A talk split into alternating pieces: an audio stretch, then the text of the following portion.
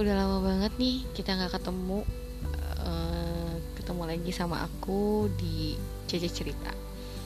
Hari ini aku mau cerita tentang banyak sekali hal-hal yang sudah terjadi um, di masa pandemik ini.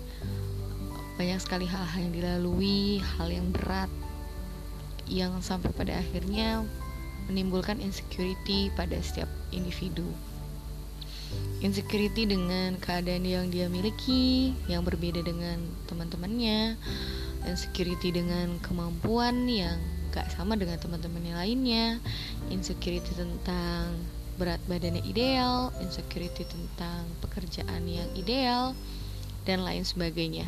Terlalu banyak insecurity yang akhirnya bermunculan apalagi di masa pandemi seperti ini.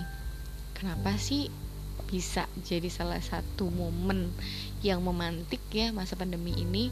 Karena mungkin hampir kebanyakan dari kita saat ini sedang mengalami penurunan dalam kualitas hidup secara menyeluruh. Karena harus banyak penyesuaian dan adaptasi terhadap hal-hal baru.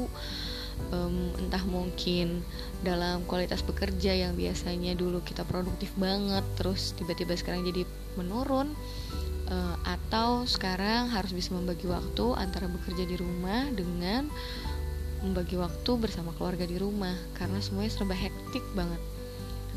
Rasa-rasanya dulu setiap pulang ke rumah udah lebih nyaman ketemu sama keluarga dan waktunya untuk istirahat. Sekarang saat di rumah kita udah harus pakai untuk kerja dan aktivitas lainnya, terutama untuk yang work from home atau yang school school from home. Jadi ini cukup dilematis sebenarnya. Dan tanpa disadari akhirnya membangun insecurity pada setiap individu. Ada yang insecure lihat teman-temannya kok makin glowing ya saat lagi di rumah aja.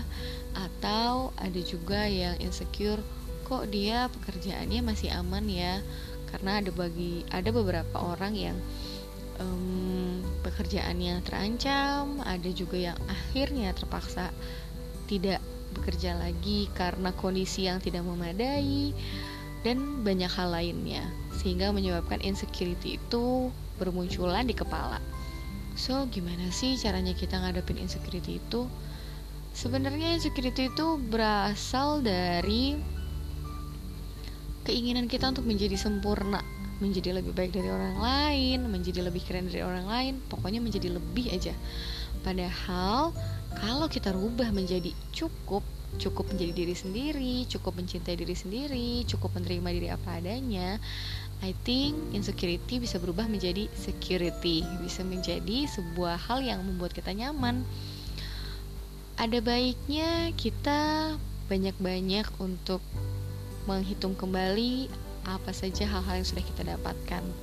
Lebih grateful sih ya jadi lebih banyak syukurnya bersyukur sampai detik ini ternyata kita masih memiliki pekerjaan.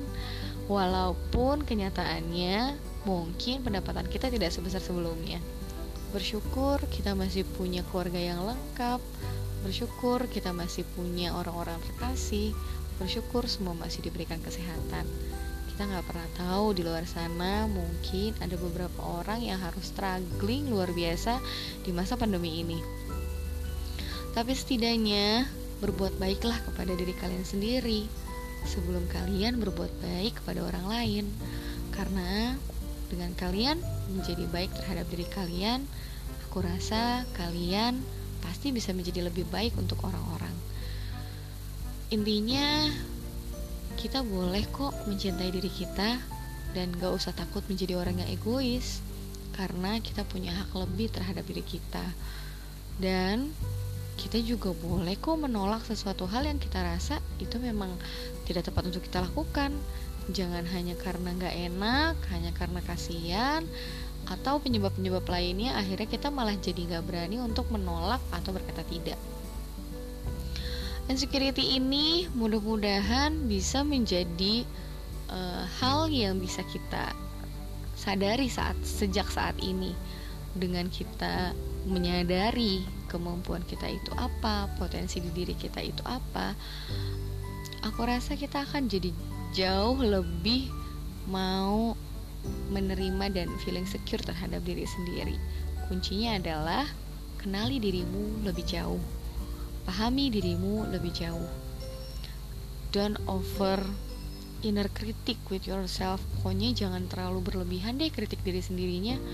Karena kadang kita tuh sering kali lupa bahwa kita tuh cuma manusia biasa ya sebagai manusia biasa baiknya sih bersikap layaknya manusia biasa aja yang punya keterbatasan yang nggak bisa memprediksi masa depan dan juga nggak bisa merubah masa lalu karena dua hal itu adalah kuasanya yang maha kuasa bukan kuasanya kita. Kuasanya kita cuma satu. Kuasanya kita adalah mengendalikan diri kita sendiri.